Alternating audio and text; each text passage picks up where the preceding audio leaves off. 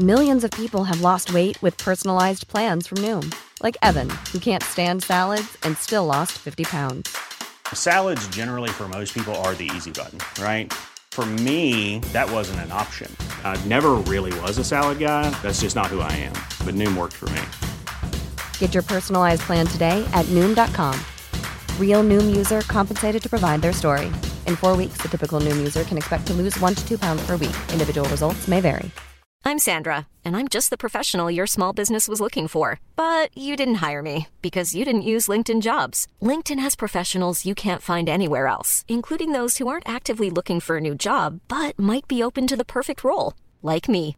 In a given month, over 70% of LinkedIn users don't visit other leading job sites. So if you're not looking on LinkedIn, you'll miss out on great candidates like Sandra. Start hiring professionals like a professional. Post your free job on linkedin.com/people today. There's never been a faster or easier way to start your weight loss journey than with PlushCare. PlushCare accepts most insurance plans and gives you online access to board-certified physicians who can prescribe FDA-approved weight loss medications like Wigovi and Zepbound for those who qualify. Take charge of your health and speak with a board-certified physician about a weight loss plan that's right for you. Get started today at plushcare.com slash weight loss. That's plushcare.com slash weight loss. plushcare.com slash weight loss. Fanns Buddha på riktigt?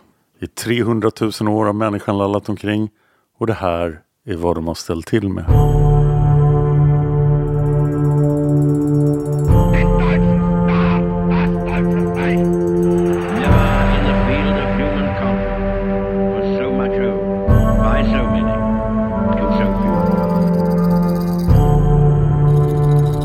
I have a dream.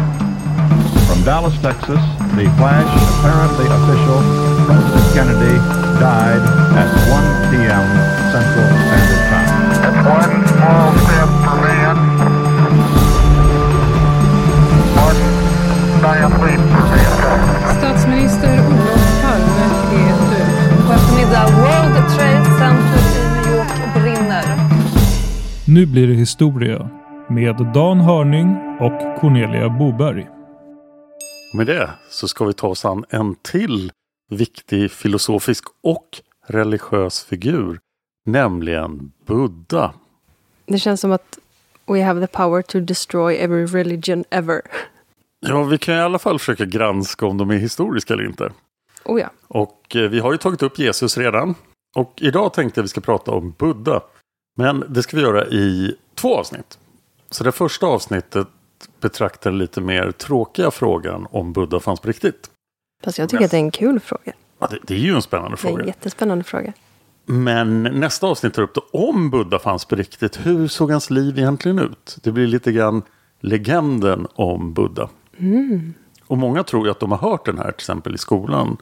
Men eh, jag ska nog eh, visa på en del konstigheter i Buddha-legenden. Åh, spännande. Till exempel det här med att han är en prins som såg något hemskt och sen vände sig ifrån sin makt och ära. Det är egentligen inte särskilt historiskt belagt. Va? Och inte ens med i legenden från början. Men varför fick man lära sig det i skolan? Det beror faktiskt på att på 1800-talet så samlade en massa kloka människor ihop all information som fanns om Buddha. Och sen strök de allting som de tyckte var olämpligt. Och då fick jag ihop någon slags Buddha-legend som alltså är konstruerad av en massa 1800-talsmuppar. För i Buddha-legenden finns det supermycket gudar, monster och religiösa inslag. Då tyckte man ju hellre att Buddha var ju mer spännande om han var en filosof. Och inte en kille som gick runt och blev bitchläpad av gudar som man kommer att bli i nästa avsnitt. Vi kan börja med att eh, konstatera att jag kommer att uttala indiska namn. Och det kommer jag förmodligen göra fel. Så jag ber om ursäkt till alla som kan eh, indiska språk, sanskrit och liknande. Mm. Eller vad de nu pratar i Indien så kommer jag säga det fel. Det är okej. Vi ska nu gå tillbaka då till den historiska Buddha som då i de flesta sammanhang heter Siddhartha Gautama. Det är alltså förnamn och efternamn. Buddha betyder den uppvaknade. Och det finns en massa andra roliga namn på honom. Siddhartha, Gautama som man säger hans vanliga namn. Men Siddhartha betyder han som uppnår sina mål. Så det är ett bra namn att ge till en bebis. Sätt ingen press. Gautama betyder en som härstammar från Gotama. Och Gotama betyder han som har mest ljus. Men det här är alltså en tradition i folket som Buddha kommer ifrån. Där man döper hela sin släkt efter sin huspräst. Nu är vi alltså i Indien. Och vi är i Indien innan hinduismen riktigt har skapats. Och då finns det väldigt många religioner. Så att det här folket som heter Sakya.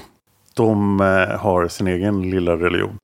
Men den huvudsakliga rörelsen i indisk religion är mellan två olika slags religioner.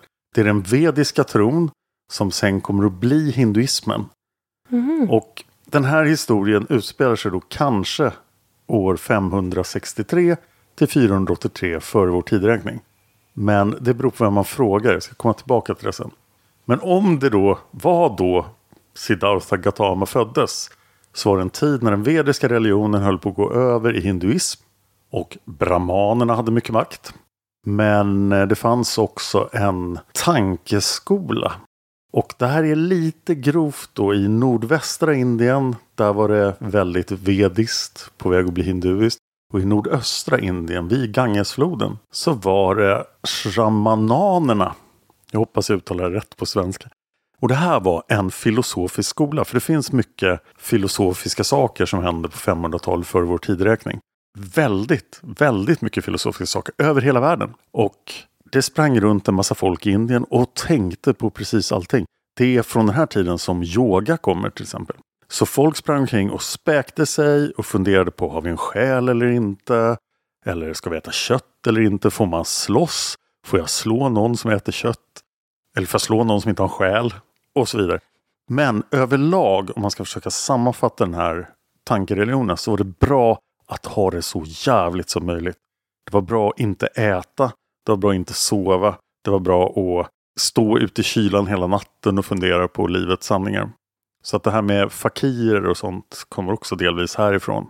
Men en väldigt viktig skillnad mellan den vediska religionen på väg att bli hinduismen och de här shamanatankarna var att det inte fanns något kastsystem i shamanatankarna. Du kunde alltså prata med vem som helst och det kunde inte prästerna i den blivande hinduismen. Nej, det går ju inte. De hade jättehög status och de kunde inte prata med folk med kast, kast. Nej, men då skulle ju hela samhället braka samman. Men det kunde Buddha. Fan Så han bra. kunde gå och prata med alla. Och det kan till och med vara en anledning till varför det gick så bra för buddhismen. Men det känns ju väldigt fördelaktigt att man kan gå runt och prata med vem man vill.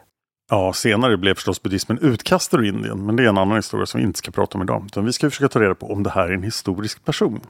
Jag ska försöka att inte prata om buddhism. Så jag ska inte gå in på buddhism. Jag hoppas jag ska lyckas undvika att förolämpa några buddhister också. Utan vi ska bara prata om Buddha. När man tänker på Siddhartha Gautama och hans historiska liv. Och man tar en massa historiker och tar in dem i ett rum och säger åt dem berätta vad vi faktiskt vet om Buddha. Då kommer de att se besvärade ut. Och sen kommer de att komma överens om följande. Buddha levde. Han lärde ut saker till folk. Och han bildade en munkorden. Och det här hände under Mahayanapada. Precis. Det ska förmodligen inte vara en kampsportston på slutet. Mahayanapada. Mahayanapada. Under den tid då kung Bimbisara härskade. Och då har ju du kanske lite följdfrågor som till exempel vad 17 är Mahayanapadas för någonting? Mm, berätta för mig. Det är de 16 rikena i nordöstra Indien. Och grunden till i princip, ja, stora bitar av Indiens historia. Och den här Bimbisara är en kung som omnämns väldigt mycket av buddister. Men också av jainister. Som är en annan religion som uppstår i samma veva. Också från shamanerna-grunden. Jättemycket religioner här. Ja, och då tänker ju du förstås, nu borde vi kunna datera det här. För nu har vi de 16 kungarikena och vi har den här Bimbisara som är en historisk person. Men de går nämligen inte heller att datera. Men vet vi att de är sanna då? De här historikerna vi är inspärrade i rummet, de kommer att säga att det här är sant.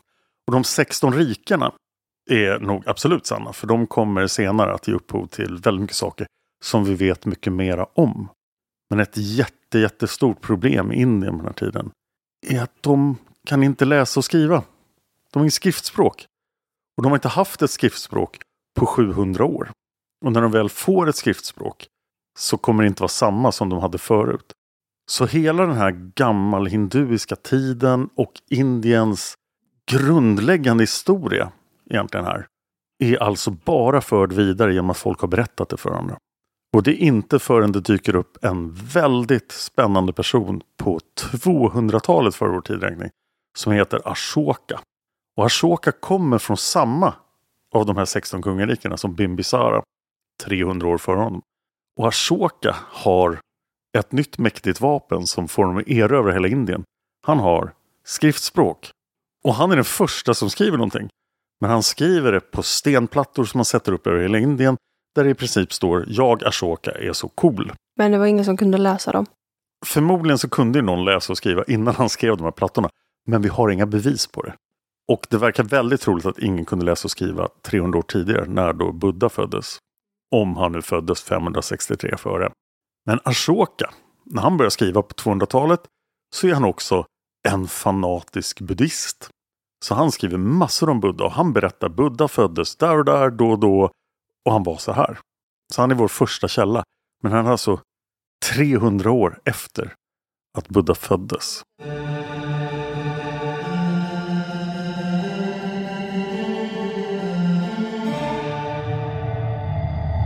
Men vi har alltså historikerna inspärrade i rummet. De har varit enade om att Buddha levde. Han lärde upp folk i filosofi i princip. Och han bildade munkorden. Och så fort man går bortom det där och Mahanapadas då är historikerna inte överens längre. Och vi pratade om att bevisningen för att Jesus faktiskt existerade var ganska dålig. Men historikerna tycker ändå att jo, så är det. Jesus fanns och var en riktig person. Slutsatsen är samma här, men bevisen är mycket sämre. Åh, vad spännande. Vad gäller Siddhartha Gautama. Ett problem är att de buddhistiska texterna, som ofta hävdar att de är ganska kort efter Buddhas död då, som kanske var 483 före vår tidräkning. De bryr sig inte jättemycket om kronologier. Och de bryr sig inte jättemycket om att berätta Buddhas liv. Utan när Buddha dyker upp i de här texterna så är det mest i ett syfte att ge en moralisk poäng. Så det kan vara att Buddha kom gående och då hände det här men vi vet inte liksom när det är hans liv eller var han är någonstans eller någonting alls. Och det är nästan ett sätt att skriva på som vi inte är vana vid idag, speciellt i västvärlden. Och vi får nästan ingen information om hans liv i de här texterna. Utan han är bara där, han är uppvaknad och han gör bra saker. Då måste vi försöka ta reda på lite mer om den historiska Buddha. Vi visste ju att, eller jag har sagt 563 nu. Och 563 är förmodligen om vi hade en omröstning bland våra inspärrade historiker om vilket år Buddha föddes. Då skulle 563 före vår tidräkning vinna. Men om du frågar kinesiska buddister då säger de, ja men alla vet ju att Buddha föddes 949 före vår tidräkning. Oj jävlar vad de diffar. Ja, det är 400 års skillnad. Men finns det någon chans att det skulle vara två olika personer då, som de menar? Nej, det är väldigt mycket Det är samma person de Buddha menar? Buddha. Vi har också Kalla chakra-traditionen som säger, men alla vet ju att Buddha dog 833 före vår tidräkning. Men sen kommer då de två huvudskolorna. Och här kommer Mahayanapadas och Bimbisapra in igen. För de vet inte heller när de fanns egentligen. I princip, det vi har gått på här är den långa kronologin. Och den korta kronologin, då är Buddha ungefär runt 100 år senare. Och då kommer han ju närmare Ashoka och de här stenskrifterna och så. Det har en viss trovärdighet men det verkar ändå som att den långa kronologin är det historikerna tycker bäst om. Ja, nu börjar det bli svårt att hitta någon mer fakta som faktiskt är korrekt. Men de flesta källor anser att Buddha härstammar från Shakya-folket. Och de vet vi är historiska. Det här är alltså ett folk som bor i det som idag är Nepal. Och om de går ner från berget då kommer de till Mahanapada som de här 16 rikena som nu har en massa folkbildning. Men det här är killarna som bor på klippsluttningarna upp på Himalaya. Så de bor ganska off Chaka. Och, därför, och de var inte särskilt framstående heller. De var ju verkligen hillbillies jämfört med de 16 rikarna. Så vi vet inte jättemycket om dem. Men de bodde där i kullarna nedanför Himalaya. Det är svårt att bo i Himalaya. Och eh, till söder och väster hade de kungariket Kosala som var ett av de 16 rikena. Så det var mycket rikare och finare än dem. Över en flod så hade de Koliastammen. Och Koliastammen kommer tillbaka lite i historien om den legendariska Buddha. Och sen norr om dem fanns då jättehöga berg som de inte kunde komma över. Och Snömannen. Det verkar som att på den här tiden var Shakyas huvudstad Kapalivastu. I många buddha-legender har man försökt skriva om Shakya-folkets historia och försökt göra så här. Äh, de var jättemäktiga. Det var ett imperium. Buddhas pappa var kejsaren. Alla var jättegoda. Men det är en ganska, ja, lite off samhälle. Lite, Mm. lite sidan om. De försökte skriva över sig själva kanske. Nej, det är senare buddister som tycker att det här borde roligt. Speciellt när buddisterna har blivit utslängda ur Indien. Vilket de blir senare. Vi tror att Shakya-folket var en liten republik faktiskt. Att de styrdes av eh, en samling viktiga killar. Coolt. För tjejer hade ju förstås inga rättigheter som vanligt i historien. Såklart inte. Det kan till och med vara så att de valde sin hövding. Och då är det förstås nästan alltid i historien om Buddha att de väljer Buddhas pappa som hövding. De var inte jätteförtjusta i brahmaner och eh, vedisk religion och eh, det som sen blev hinduismen. Utan de gillade mera lite märkliga saker.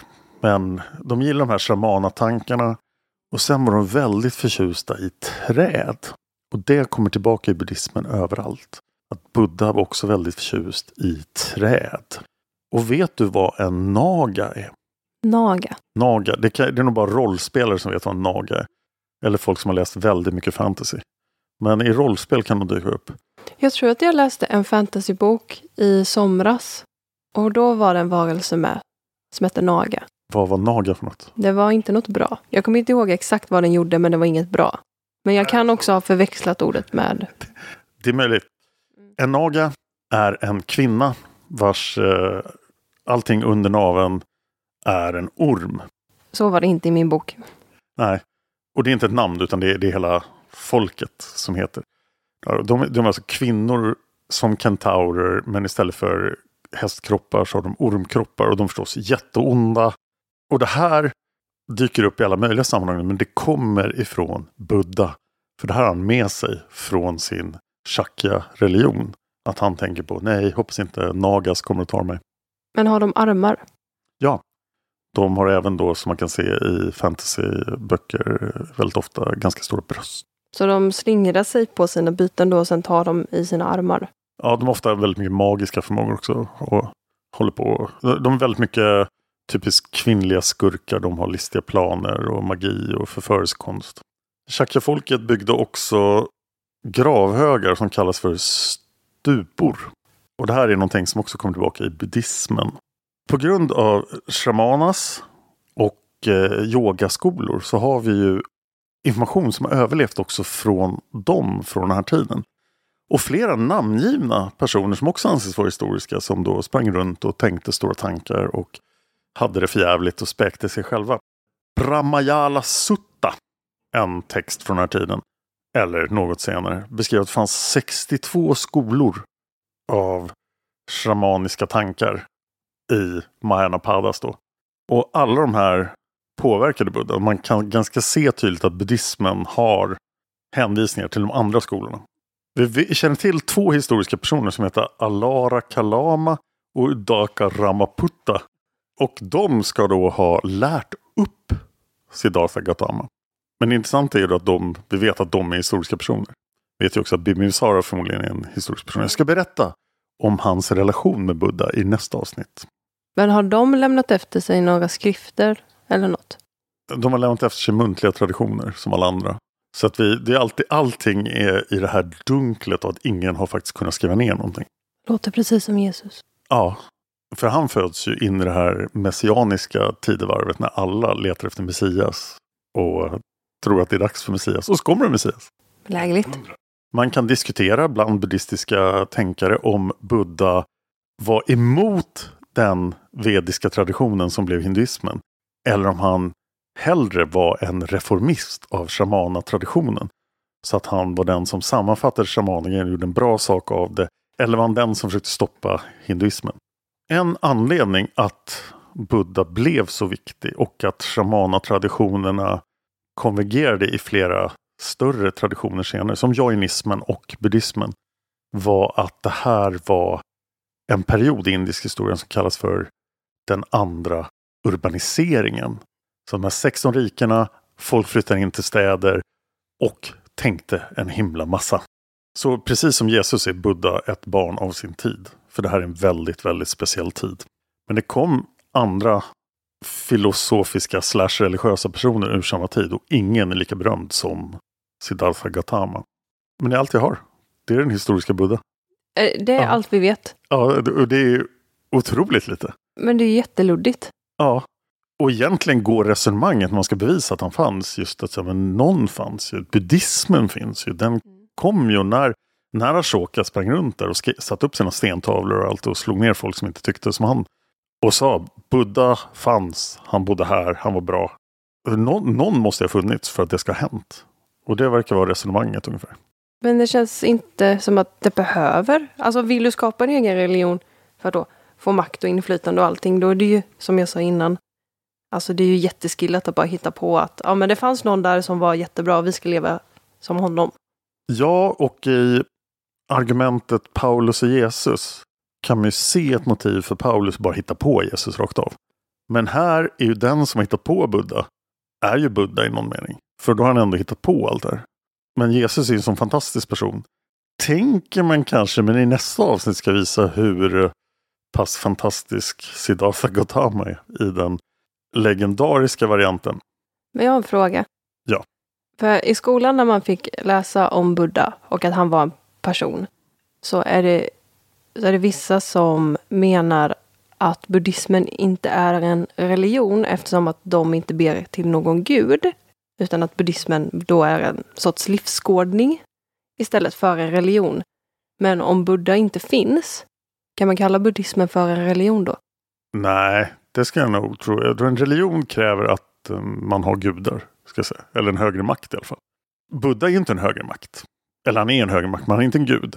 Men du kommer att få se i nästa avsnitt när han faktiskt har att göra med gudar. Så han interagerar med gudar.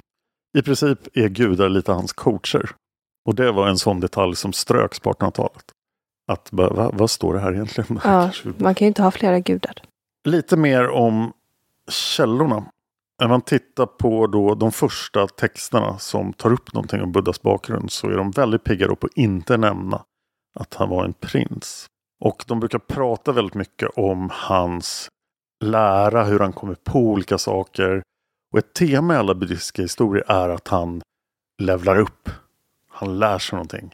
Han lär sig det ena och det andra och det ska vi prata om nästa gång. Utan att försöka komma in på buddhism. Det blir svårt.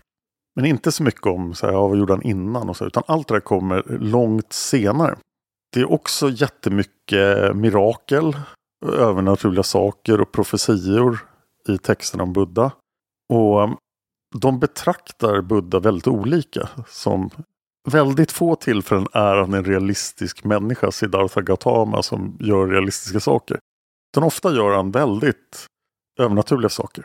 I Mahavastu beskrivs Gautama när han föds som eh, en person som eh, föddes utan smärta.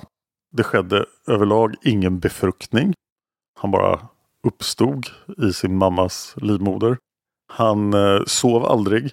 Han behövde ingen mat, han behövde ingen medicin, han behövde aldrig tvätta sig. Det låter som någonting en unge skulle säga. Mamma, jag behöver aldrig tvätta mig. Eh, Han visste också om allting i hela världen. Han var allvetande. Lite grann som Gud i kristendomen. Och eh, speciellt nämns det att han hade de 32 stora och de 80 små märkena som definierade honom som en stor man. Vadå märkena? Varför märken? Det kommer också tillbaka i nästa avsnitt. Aha. Därför jag vill nämna det här.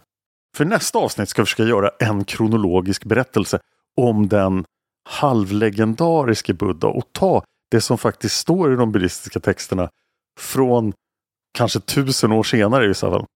Och sen ska vi försöka få ihop dem till en berättelse om Buddhas liv och bara en av många berättelser förstås eftersom det är svårt att se att det här är realistiskt. Men och när, när jag försöker göra en kronologi i en podd då brukar jag börja från när personen föddes. Men det kan vi inte göra här. För vi pratar om Siddhartha Gautama, Bodhisattvan, den som föds för att bli Buddha. Han är inte Buddha när han föds, men han är den som har möjlighet att bli Buddha, Bodhisattva. Och för att bli det är han tvungen att, i vissa källor, leva 547 liv innan det här. Så när man ska berätta Buddhas historia kronologiskt, då måste man börja med de här 547 liven. Och det här blir en liten trailer på hur kanske inte så vetenskapligt nästa avsnitt kommer att bli. Om man under alla sina liv då återföds och har blivit lite klokare varje gång och kanske som då Siddhartha Gautama hade träffat andra buddor. För det har inte bara funnits en buddha. Utan det är den här vi har bildat buddhismen av. Men innan honom har det funnits andra buddor. Och de har han träffat i sina tidigare liv. Och när man har då blivit tillräckligt klok under sina tidigare liv. Då hamnar man i Tusita-himlen. När man dör. Vad är Tusita-himlen? Jo, det är där man sitter om man är på väg att återfödas igen. För man återföds hela tiden. Och då är man på väg att återfödas som en bodhisattva. Men då är man fast i Tusita-himlen. Och då har man genom alla liv man har levt utvecklat paramita, perfektionerna, under oräkneligt många livstider. Så fattar du hur lång den här historien är. Han lever i 80 år, men han har levt 547 gånger tidigare. Men vem håller räkningen? Gör man det själv? Eller har man någon mätare? Nu är du så här källkritisk, som jag i vanliga fall vill att du ska vara. Men eh, nu ska vi börja prata legender. Men jag tänkte vi skulle börja med att han föds i nästa avsnitt. Det är därför jag vill prata om hans 547 liv innan. Vi har eh, Jatakas som är en samling skrifter. De berättar mycket historier från hans tidigare liv. Så det är eh, överkursläsning här för den intresserade. Läs Jatakas. En viktig detalj i de här historierna om Buddhas liv så, och antalet liv. Jag har ju sagt ett nummer här men det finns massor av versioner av hur många liv han har levt innan. En detalj är att han ofta gör fel. Och sen lär han sig någonting. Men vad gör han för fel? Ja, men han fuckar upp alla möjliga sätt. Tror, tror jag läst de här 547 historierna om hans tidigare Men jag är nyfiken på vad för fel han har gjort. Alla tänkbara fel som en syndare kan göra. Han har inte tänkt på sina medmänniskor. Han har varit girig. Han har varit ond. Han har skadat djur. Han har Nej. ätit kött. Och det här har pågått då i fyra oräkneliga åldrar. Det är den bästa tidsuppgivelsen vi får. Men så om en person är dum idag så kan man tänka du är på ditt första liv. Ja, eller att man är... Ja, man måste jobba lite på att komma till turisthimlen. Vad heter den? Tutistahimlen. Vet eh, den mest berömda historien när han träffar en annan buddha är när han träffar Dipankara buddha. Och då får Dipankara buddha den framtida Siddhartha Gautama då att eh, inse att han en dag kan bli en bodhisattva. Men det är allt jag har. Jag har försökt fylla ut det här avsnittet. För att den historiska Buddha är så, vet vi inte så mycket om. Men nästa gång blir det den sagolika Buddha. Sagofiguren Buddha. Så är det.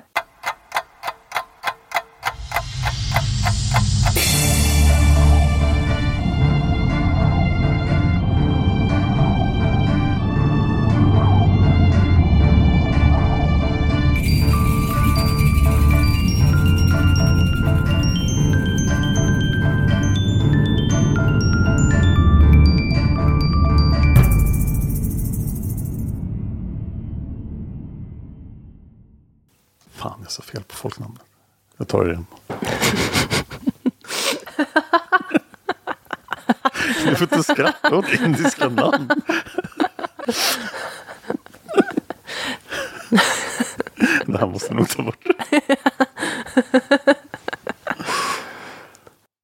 Ja, vi har två historiska mästare inom shamana-traditionen som heter Alara Kalama och Udaka Ramaputta. Det här är 73 gången vi spelar in den här sekvensen. Tycker du att det är någonting roligt med min eh, filosofiska mästare Udaka Ramaputta? Putta. Mom deserves the best, and there's no better place to shop for Mother's Day than Whole Foods Market. They're your destination for unbeatable savings, from premium gifts to show-stopping flowers and irresistible desserts. Start by saving 33% with Prime on all body care and candles. Then get a 15-stem bunch of tulips for just $9.99 each with Prime. Round out Mom's menu with festive rosé, irresistible berry chantilly cake, and more special treats. Come celebrate Mother's Day at Whole Foods Market. Hi, I'm Daniel, founder of Pretty Litter. Cats and cat owners deserve better than any old fashioned litter. That's why I teamed up with scientists and veterinarians to create Pretty Litter. Its innovative crystal formula has superior odor control and weighs up to 80% less than clay litter. Pretty Litter even monitors health by changing colors to help detect early signs of potential illness. It's the world's smartest kitty litter. Go to prettylitter.com and use code ACAST for 20% off your first order and a free cat toy. Terms and conditions apply. See site for details. Planning for your next trip? Elevate your travel style with Quince. Quince has all the jet setting essentials you'll want for your next getaway, like European linen, premium luggage options, buttery soft Italian leather bags, and so much more. And is all priced at 50 to 80% less than similar brands. Plus, Quince only works with factories that use safe and ethical manufacturing practices. Pack your bags with high-quality essentials you'll be wearing for vacations to come with Quince. Go to quince.com slash pack for free shipping and 365-day returns.